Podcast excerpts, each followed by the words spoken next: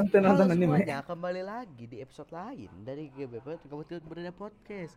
Jadi ya, di episode kali ini tema kita itu adalah membaca buku yang diberi oleh Al ya. Kalau judulnya Tema kita ya. itu adalah kita akan membaca buku yang diberikan oleh Al ya. Dan sekarang ya diberikan dipinjamkan. dipinjamkan, dikasih udahlah. Dikasih oleh Al. Gak dikasih ya. Udah udah biarin. Tinggali. Jadi episode kali ini datang dibawakan di hari ini hari Selasa jam 8.25 PM ya. Dan Iya. yang malam yang sangat suram ini Oke. Iya, suram Nah, sekali. jadi saya akan alihkan kepada Aska. Nih, saya di sini akan membacakan eh, satu buku berjudulkan eh, What's So Wrong About eh, About Your Self Healing sebenarnya. Nih, ini adalah buku tulis, eh, yang nulisnya itu Ardi Muhammad ya. Em, eh, nah, di sini kita coba buka halaman pertamanya dulu. Ada apa? Bentar. Di halaman pertamanya ada eh, publishing company-nya, terus ada ya hal-hal lain lah.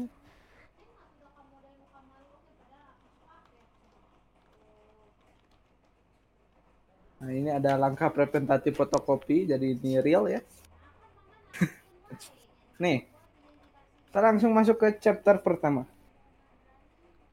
I feel like I have the worst parent. Dituntut untuk selalu baik, dilarang menangis, nggak boleh berulah, dibanding-bandingkan dengan anak lain, dikasih banyak tuntutan. Sejak kecil, kita sudah dituntut untuk jadi sempurna. Oke lah, mungkin nggak segamblang itu. Tetapi mungkin kita dituntut untuk selalu bertingkah laku baik. Kita dilarang untuk menangis, kita dipaksa untuk menyampingkan rasa penasaran kita biar gak berulah.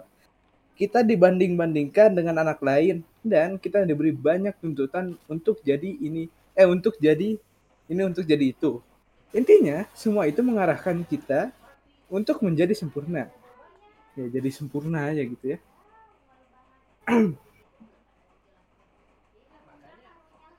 And it works gitu ya. Dari situ kita mulai punya keinginan. Kita memupuk harapan.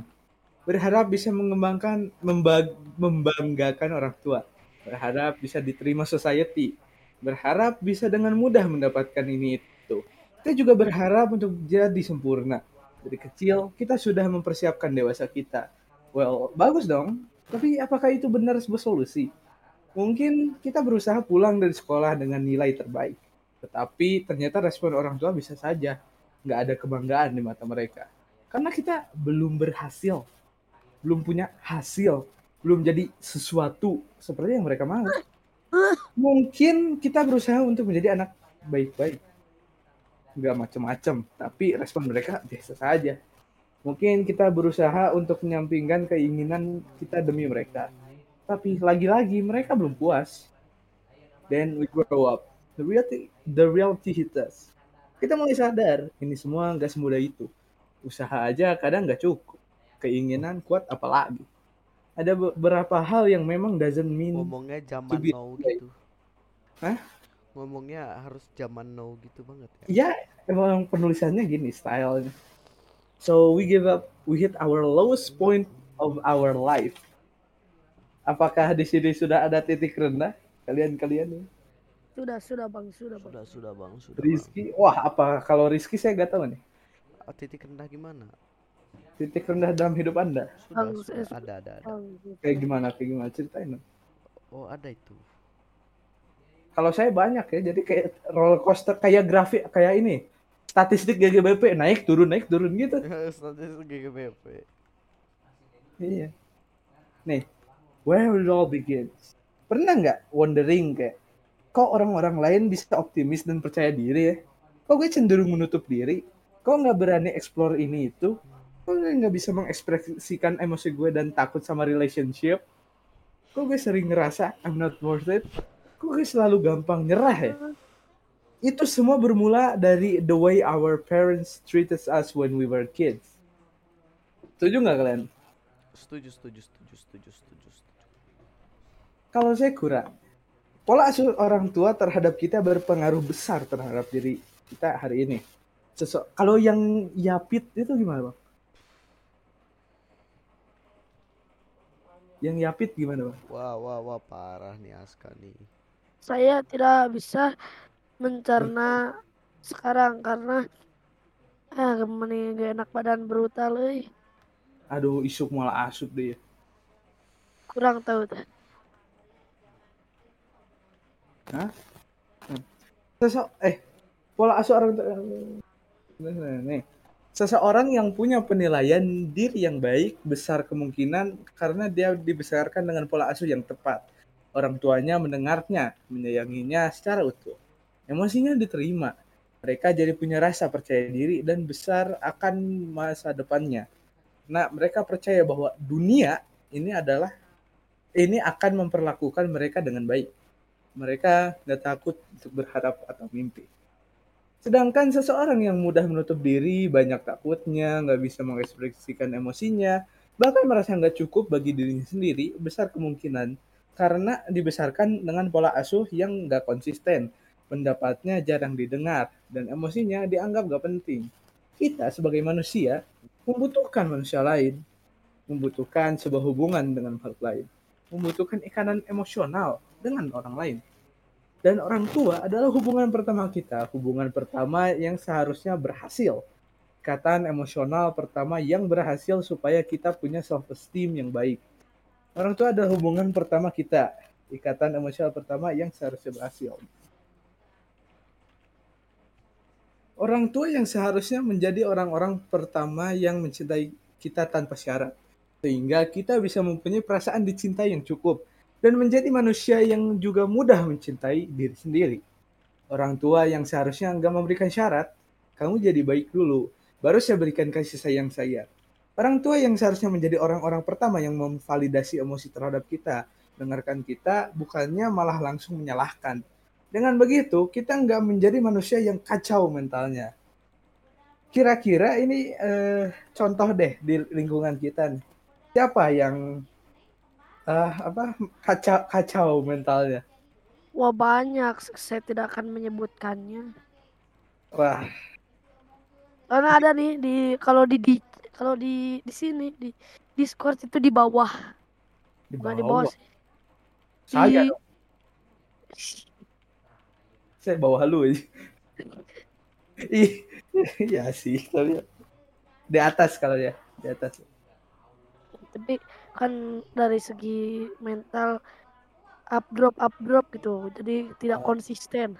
Tidak konsisten. Orangnya bakal aku tarik nih ya nih. Eh, eh, eh, eh.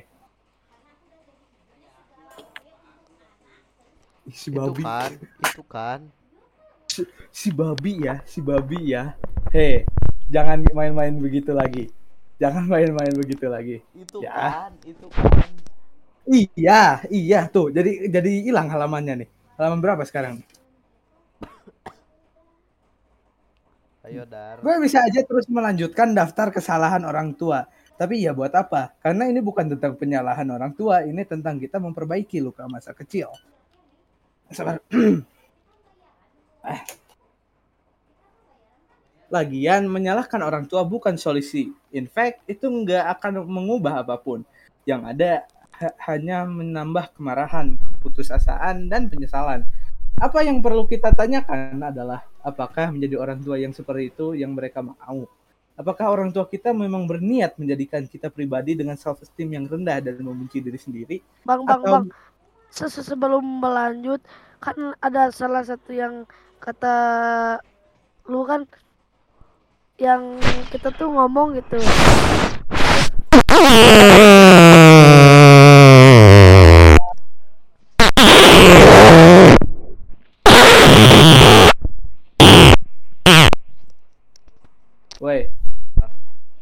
Yang kita ngomong ke orang tuh kita. ya. Tapi nanti misal kalau kita ngasih tahu ini atau ngasih tahu itu malah disebut malah mungkin ada yang ngambilnya itu ngelawan gitu. Bukan kayak ngasih tahu tapi lebih ke uh kamu ngelawan gitu. ya agak tahu ya kan itu apa ada dalam sini itu em, harusnya mendengarkan kita bukannya malah langsung menyalahkan ada kan tadi dibacakan juga nih lanjut ya Bentar. nggak boleh Bentar lihat chat. Ah. Udah. atau mungkin ini hanya soal salah cara orang tua mereka menginginkan yang terbaik bagi kita tapi nggak tahu cara yang tepat bagaimana the thing is a perfect parent doesn't exist nggak ada orang tua yang sempurna karena mereka juga manusia nggak ada panduan saklek tentang bagaimana parenting yang baik karena Aiwan aja. karena setiap situasi dan kondisi yang berbeda butuh penanganan yang berbeda juga. Jadi, untuk orang tua dalam mengasuh anaknya, semua adalah pengal- pengalaman pertama mereka. Pertama kali punya anak, pertama kali punya anak kedua, pertama kali punya anak ketiga, dan seterusnya. Belum lagi ditambah faktor lain, misal pertama kali punya anak kedua dalam kondisi finansial yang sulit di era milenial. See, it's not that easy. Tapi sebagai orang tua, mereka harus belajar dong punya kes punya kestabilan finansial biar anak-anaknya nggak kayak gini. Trust me, despite all that all, all the that saya-. Hah? Kenapa? Bang, saya pe- ah, gak jadi, gak jadi, gak jadi, gak jadi, gak jadi. Trust me. Aduh. Apa? Eh, yang yang tadi saya dengar kan harus bisa mendapatkan eh, finansial yang baik. Iya, itu kayak dalam tanda kutip berarti kata seharusnya kit- ini dalam perspektif pembaca mungkin. Itu tuh menurut menurut gua sulit untuk mendapatkan yang stabil gitu. Sulit banget.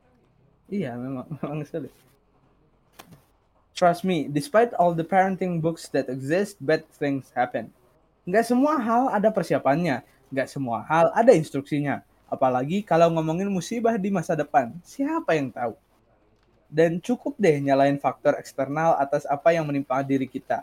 Karena nggak akan ada perubahan baik dari situ. Jadi di sini gue lebih mengajak untuk mulai dari diri sendiri. Mari mulai untuk saling mengalah. Mari mulai untuk saling memahami. Mari mulai untuk mencari jalan keluar.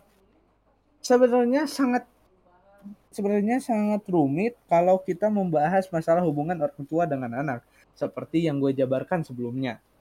Panjang dampaknya. Nggak cuma akan mem- memengaruhi relationship yang lainnya sampai kita dewasa. Tapi juga mem- mempengaruhi hampir semua aspek dalam hidup kita ke depannya dan yang nggak kalah penting berpengaruh terhadap self esteem kita. Gambarannya begini, kalau orang tua kalau orang tua gue aja nggak nerima gue, nggak peduli sama gue, nggak sayang sama gue, gimana dengan orang lain? Mungkin emang gue nggak pantas mendapat cinta, nggak pantas mendapat yang baik-baik. Gue patut, gue patut dibenci. So, what is self esteem exactly? Apa pentingnya dalam hidup kita? Seberapa pengaruh self esteem dalam kehidupan kita sehari-hari? Supaya supaya ilmiah, gue akan mengutip dari hasil penelitian-penelitian yang sudah ada. Nah, kalau secara definisi, menurut The Center for Parenting Education, self-esteem itu tingkatan di mana seseorang memiliki nilai dan kepercayaan bahwa dia berharga. Gak cuma bagi dia pribadi, tapi juga bagi dunia ini. Gak cuma itu, self-esteem juga menentukan bagaimana seseorang mau terus berusaha melewati tantangan dalam hidup dan bagaimana mereka memandang kegagalan. Greenberg et al 1992. Dan orang dengan self esteem yang rendah punya korelasi untuk de- kuat dengan depresi, hilangnya kepuasan hidup, bahkan timbul keinginan untuk bunuh diri. Jordan et al 2013, Will Wilburn and Smith 2005. Sedangkan self esteem yang sehat adalah kemampuan kita untuk mengenali diri sendiri secara tepat dan tetap bisa menerima siapa kita sebenarnya. The University of Texas 2013, Wilburn and Smith 2005. Orang yang dengan self esteem yang rendah hanya bisa fokus pada apa yang terjadi sekarang untuk menentukan harga dirinya. Mereka nggak melihat bahwa ini hal buruk hanyalah satu kejadian khusus yang mungkin sifatnya temporer, nggak memberi arti sesungguhnya pada diri kita. The University of Texas 2013. Ngapain sih? Kok jadi bahas self esteem? Karena ini salah satu dampak panjang dari dari salahnya pengasuhan orang tua terhadap anaknya. Sepanjang anak itu hidup, dia akan struggle dengan masalah ini. Kebencian yang gak jelas sumbernya, alasan-alasan kenapa kita nggak bisa memaafkan dan masalah setipe lainnya, itu karena dampak yang kita dapat dari pola asuh yang salah. Kasarnya, ya the famous term of blaming others. Gue begini karena orang tua gue uh, apa dan gak ada yang mau seperti itu. Kita semua ingin punya self-esteem yang baik. Karena orang-orang yang memiliki self-esteem yang baik mempunyai kemampuan untuk berpegang teguh pada nilai yang mereka miliki.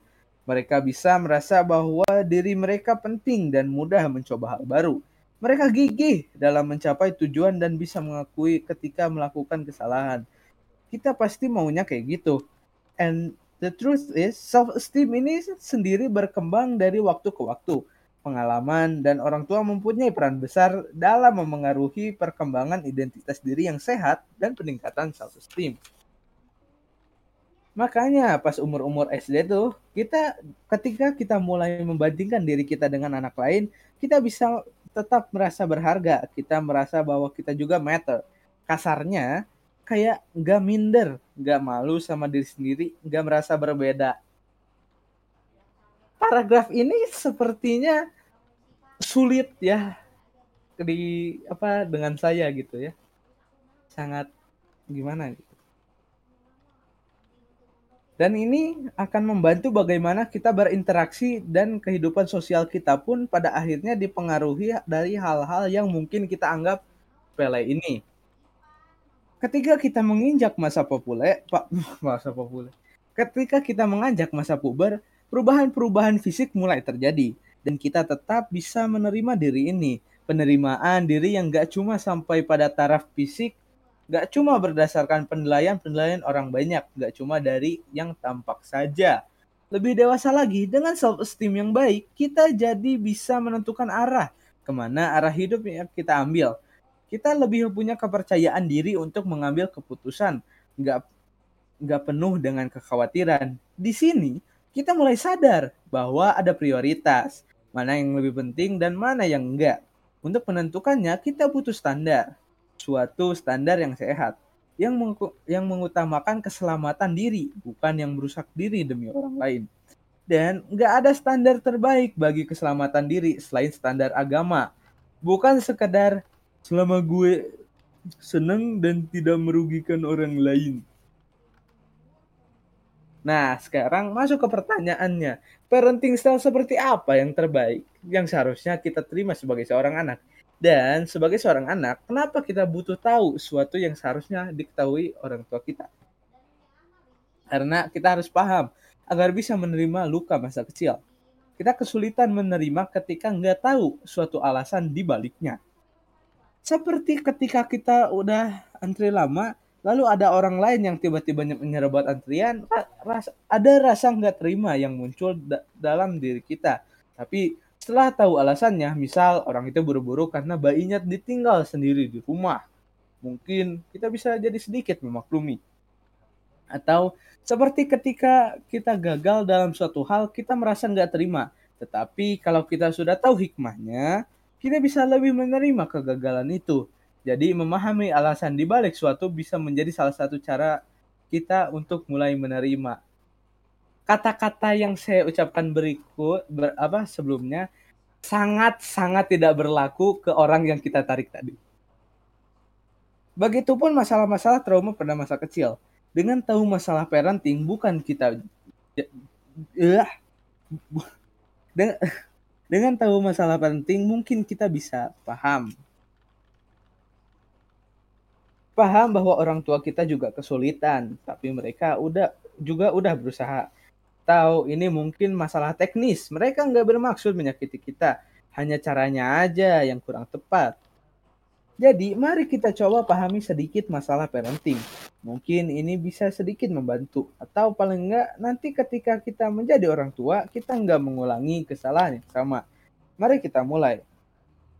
Diana Baumrind, Baumrind seorang peneliti yang fokus pada klasif, klasifikasi pola asuh menentukan bahwa basically ada empat elemen yang bisa membentuk keberhasilan pola asuh responsif versus non-responsif dan demanding versus undemanding.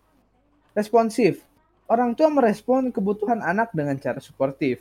Non-responsif, orang tua nggak merespon kebutuhan anak dengan cara dengan cara suportif.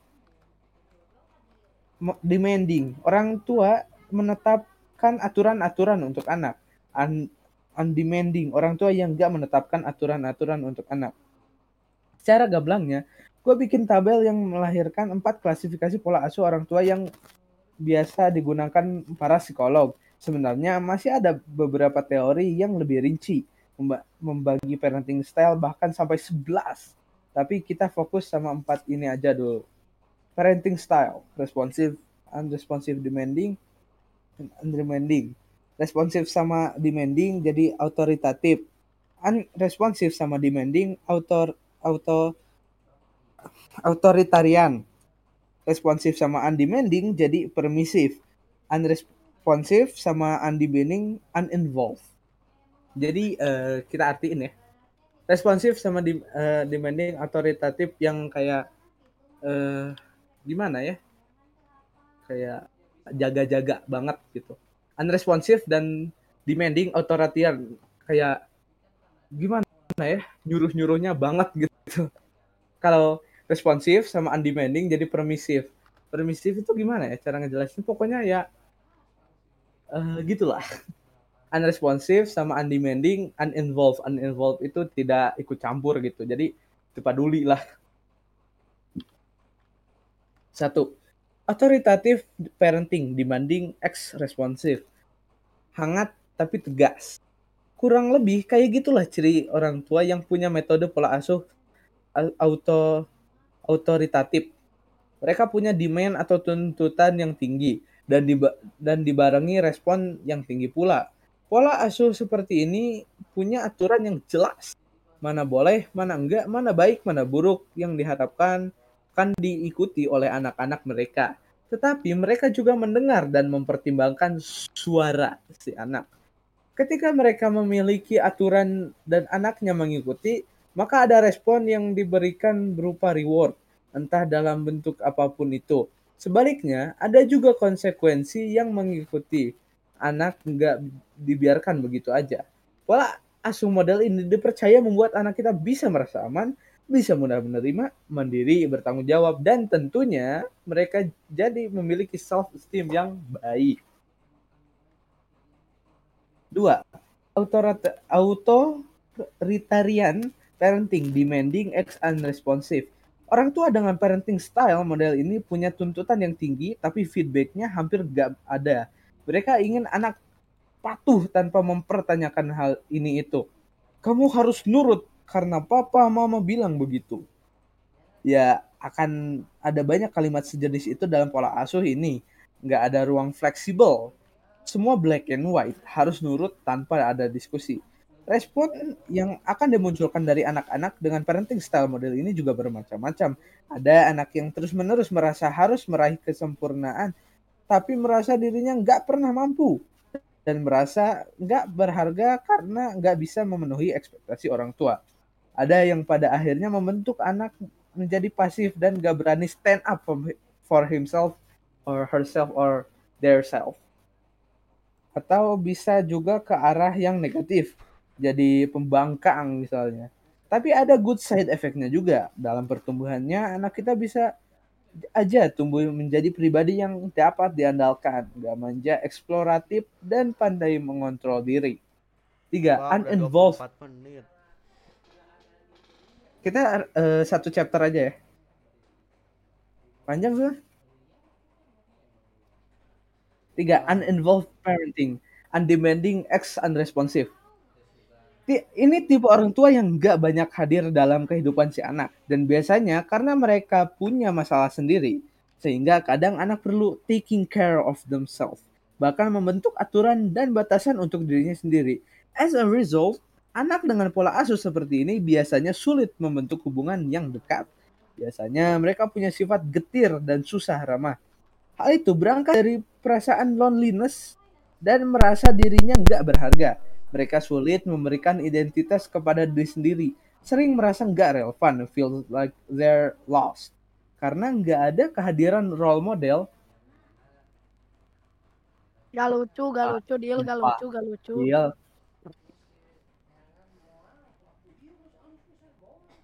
Sampai mana kan ih, babinya ini. Tim Rose Gaming gak lucu. Gak lucu tim Pros Gaming. Mereka sulit memberikan identitas kepada diri sendiri. Sering merasa nggak relevan. Feels like they're lost. Karena nggak ada kehadiran role model yang bisa mengajari dan memimpin nilai-nilai dari kecil. Anak-anak dan model pola asuh seperti ini biasanya pada akhirnya mencari tempat yang bisa menerima mereka. Kadang mereka berakhir di kelompok-kelompok yang gak benar. Kayak geng, kekerasan, bullying, dan gak jauh dari obat-obatan. Itu karena biasanya mereka mencari orang-orang yang nasibnya sama. Sehingga mereka merasa diterima. Dan karena nggak punya sense of belonging yang tinggi, banyak yang pada akhirnya melenceng. Tapi itu nggak selalu ya. Faktor lain tetap ada. Kita tetap punya pilihan untuk berakhir baik. 4. Permissive parenting, undemanding, dan responsif. Ini tipe orang tua yang terlalu cinta dengan anaknya. Sampai-sampai tanda kutip buta. Biasanya mereka memberikan semua yang si anak mau. Hadiah, boleh ini, boleh itu. Pokoknya yang membuat si anak senang. Gak peduli dampak akhirnya bagi si anak. Dan gak ada aturan bagi anak. Karena biasanya orang tua model begini sulit bilang enggak pada anaknya. Mereka cenderung menghindari konfrontasi dengan anak. Mereka juga seringnya membantu si anak secara berlebihan. Pokoknya semua orang tua yang benerin. Orang tua yang mengurus karena mereka enggak tega melihat anaknya struggling. Anak Berarti yang ini- di Berarti ini sayang sayang brutal ya. ya nu, nu berlebihan lah. Anak yang diasuh dengan pola asuh model ini biasanya nggak ada inisiatif dalam hidupnya karena terbiasa disuapin. Ngapain ngelakuin sesuatu? Toh nanti juga diselesain orang tua aku. Agak ngeselin ya. Hahaha di. Dan karena selalu mendapatkan constant catering, anak-anak ini melihat orang dewasa sebagai tempat untuk mendapatkan kenyamanan dan keuntungan. Mereka jadi nggak peduli dengan hak-hak orang lain. Dan nggak ada sense of boundaries. Ini lawan dari otoratif, otoratif, oro- autoritatif parenting. Biasanya anak jadi nggak bisa diandalkan, manja, dan sulit mengontrol diri. Kebanyakan, kayaknya ya, yang dapat pola asuh ini anak pejabat ya. Setuju tidak? Real. Ya, real. I- i- aku baru tahu kalau Anchor bisa dengerin lagu di Anchor. Bisa dengerin. Oh, bisa semuanya, kembali lagi di Oh, bisa dengerin podcast di Anchor. ntar lu dengerin Iya, Tadi? nggak login. Enggak enggak, aku nggak dengerin. Si- siapa tahu. Cuma lihat aja. Terus kalau ditanya mana yang mana yang terbaik? The thing is, despite all of those theories, kita tetap gak bisa menentukan mana yang terbaik karena pengaplikasiannya nggak semudah teori. Situasi yang berbeda akan menuntut orang tua untuk terus bereksperimen mencari posisi mana yang tepat. Bahkan ya, level level of demanding dan responsif itu sangat beragam. Bisa tinggi, bisa rendah, bisa sedang dan dan itu pun masih tergantung dari kacamata mana kita melihat. Budaya memengaruhi pe- pengalaman budaya memengaruhi pengalaman orang tua memengaruhi dan pemahaman agama juga akan sangat memengaruhi.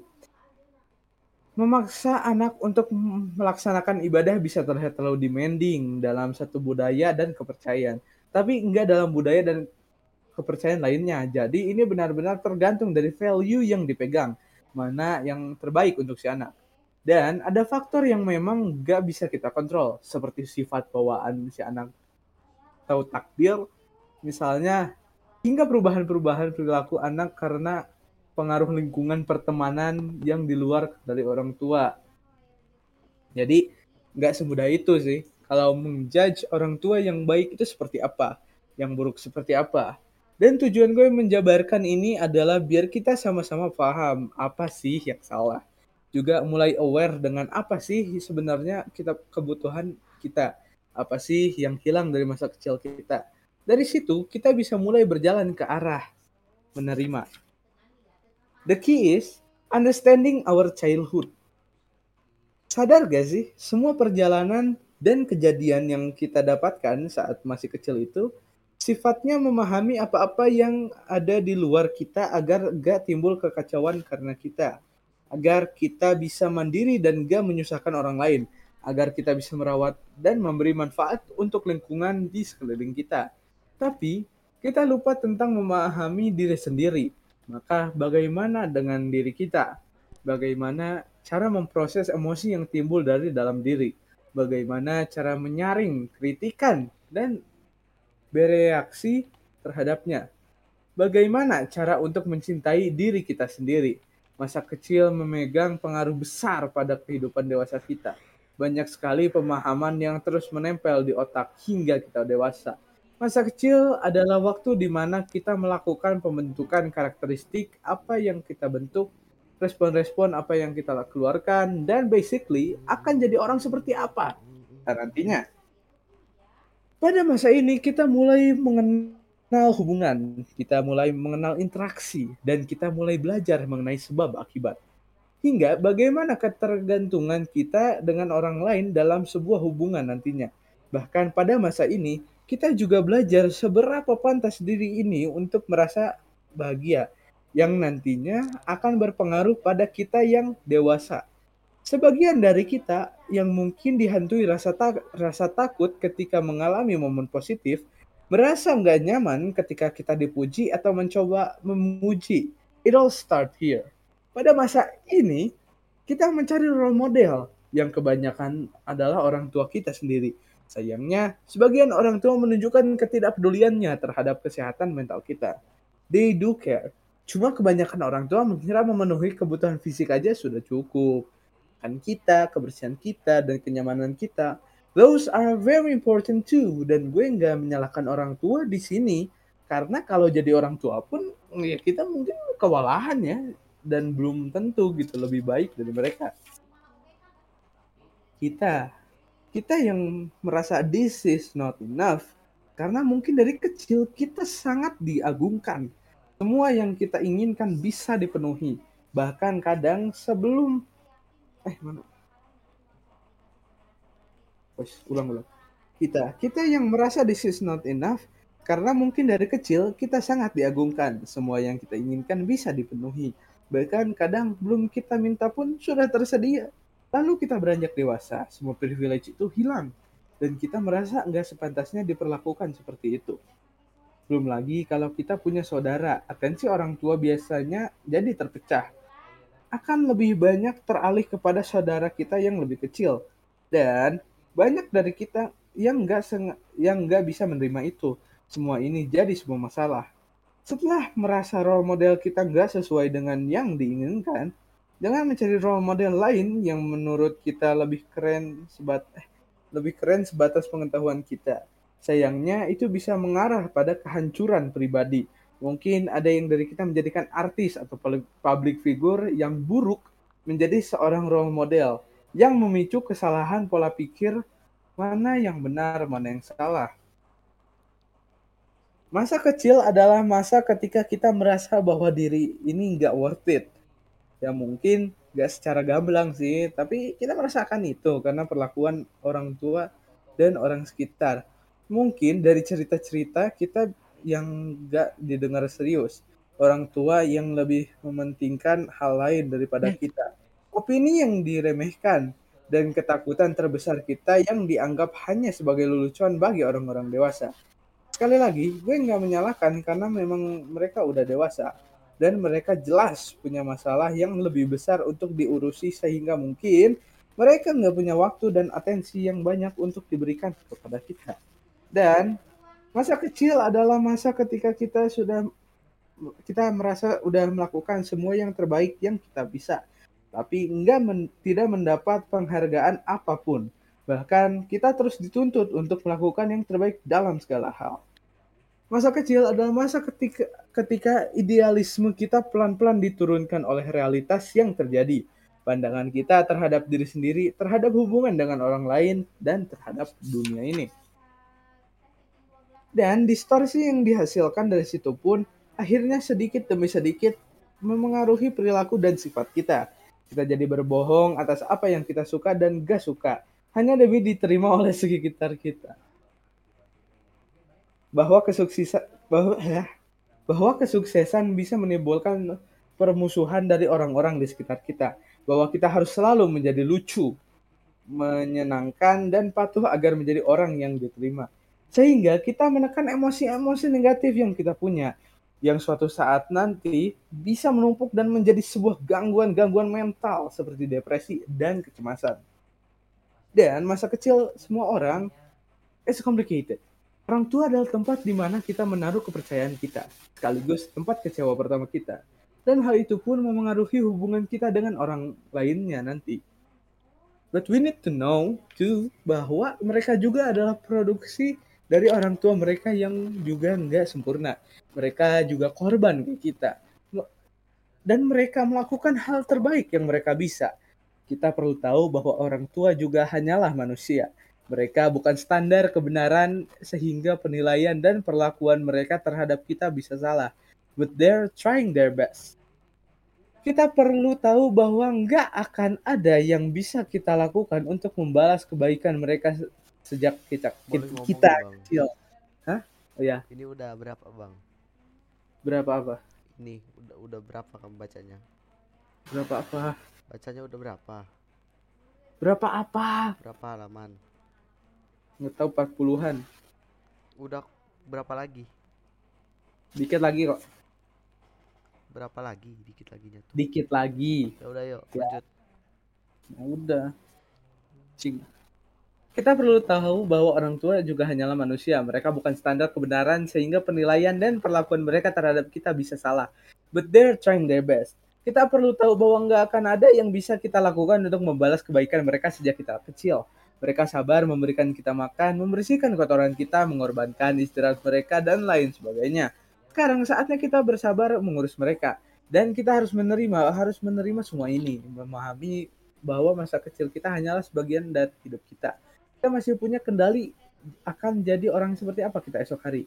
Sudah banyak bukti orang dengan masa kecil yang hancur, tetapi bisa ta- tetapi tetap bisa positif. Justru bisa menjadikan masa kecilnya sebagai pelajaran dan enggak terus ber- berkutat di masa lalu. Mereka bisa maju untuk masa depan, menjadi orang terbaik walaupun masa kecilnya buruk. Jelas it's not easy, ini baru awal. Tapi dengan memahami masa kecil kita yang enggak sempurna, kita bisa berharap bisa menerima itu. Dan dengan menerima, kita bisa let go dan mengurus hal lain yang lebih penting di masa depan. Layaknya hal lain. La- Masa kecil juga sebuah masa lalu yang kalau kita bisa memahami dan menerimanya, maka kita nggak akan menjadikan sebagai masalah yang besar. Mungkin dengan memahami orang tua kita yang juga bisa salah, kita jadi bisa lebih mudah memaafkan kesalahan-kesalahan mereka. Dan ayolah kita juga sebagai anak nggak sempurna, kita banyak menyusahkan mereka. Jadi kita juga harus selalu minta maaf dan terus menyayangi dan menghormati mereka. Did the best they can, so you need to do your best. Oke, mungkin banyak dari kita yang orang tuanya lebih parah daripada orang tua pada umumnya. Banyak dari kita yang memiliki kondisi di mana orang tua kita sering cekcok. Ada masalah juga pertikaian yang dihadapi. Dan mereka sibuk dengan itu semua sampai timbul kesenjangan sehingga akhirnya mengabaikan kita sebagai anak. Atau lebih parah, orang tua yang abusive. Biasa main tangan sejak kita kecil. I'm, I'm not on their side. Jelas mereka salah, trust me. Gue juga berpikir gak pantas yang kayak gitu jadi orang tua. Dan ini tentunya menimbulkan luka yang lebih dalam bagi seseorang. And I know, I know how difficult that is. But we have to minimal kita harus selalu berusaha untuk bisa mencari jalan tengah. Toleransi berusaha untuk mencari their goodness even though it's hard. At least we try. Because that's what the good people do. Jangan malah jadi jahat seperti mereka. Tapi, but this is for our sake, not only for them. Karena akan tetap percuma kalau kita terus-terusan fokus pada kesalahan mereka seumur hidup kita tanpa mulai fokus ke diri ini. Bayangkan unresolved problem yang hampir menyita seluruh kehidupan kita. Don't live this life hating our parents. Mungkin ini bisa jadi relev revelation bagi kita yang bagi kita bahwa nggak ada kasih sayang manusia yang sempurna, nggak ada pemberian manusia yang sempurna, nggak ada cinta dari manusia yang sempurna. Maka udah saatnya kita mencari kasih sayang yang sempurna pembalasan yang sempurna, cinta yang sempurna, dan kita akan menemukannya kalau belajar berharap hanya kepada Allah. Kembalinya kita kepada Allah adalah cara paling ampuh untuk mengubah diri menjadi lebih baik, berpindah dari yang buruk ke yang lebih baik. Karena dengan begitu kita memiliki tujuan yang yang baru. Kita bisa mengubah pola pikir kita yang rusak menjadi lebih baik karena ilmu-ilmu dan kepatuhan kita yang berdampak pada pola pikir dan perilaku kita. Ketika kita memilih patuh kepada Allah, berarti kita juga memilih patuh kepada hukum, hukumnya. Kita akan memiliki tujuan yang lebih besar dari dunia sehingga kita bisa mengabaikan hal-hal duniawi, termasuk kesalahan-kesalahan yang pernah dilakukan orang-orang kepada kita. Termasuk masa lalu kita yang buruk dan termasuk perintah Allah untuk kita, kita agar tetap patuh kepada kedua orang tua selama itu bukan suruhan untuk bermaksiat.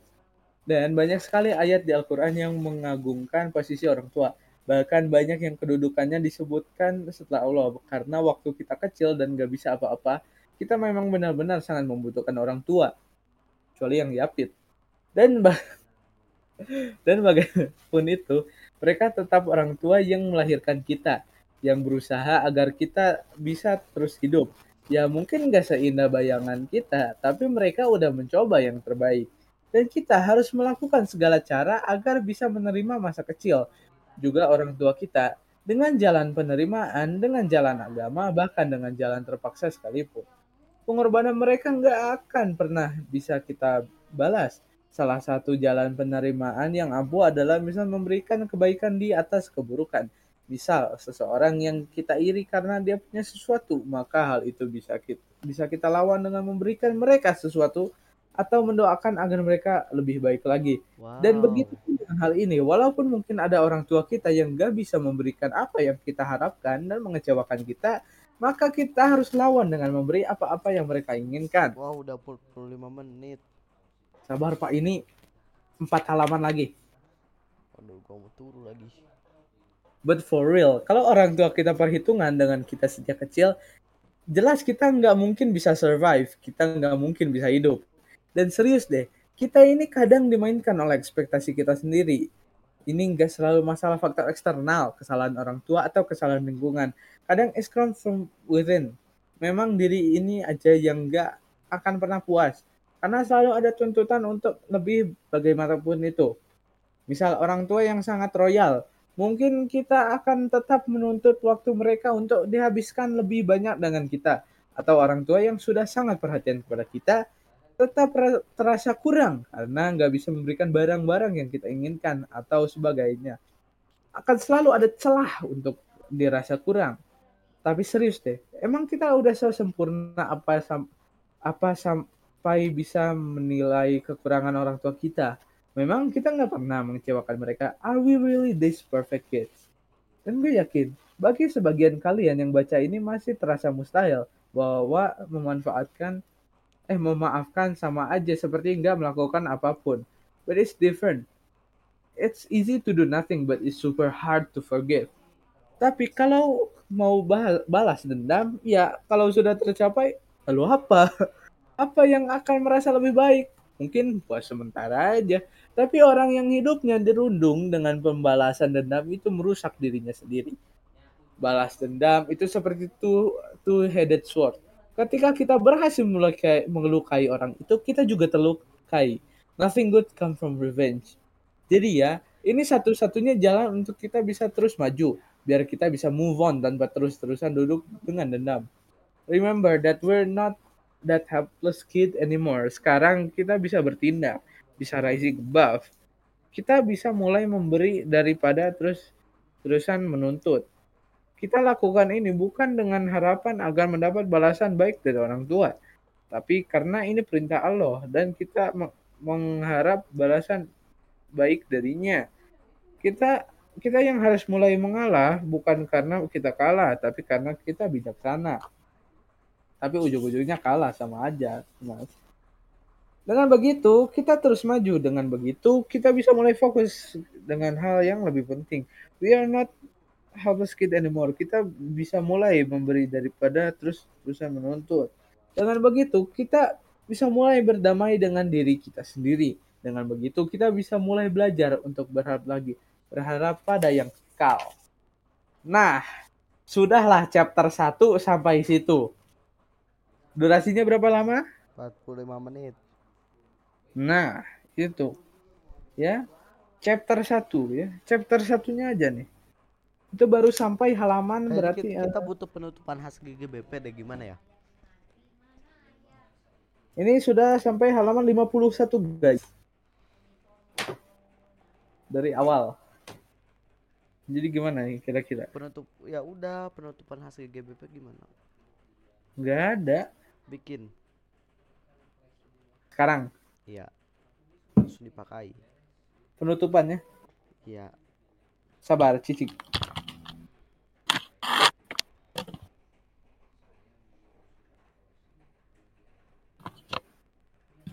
Gimana?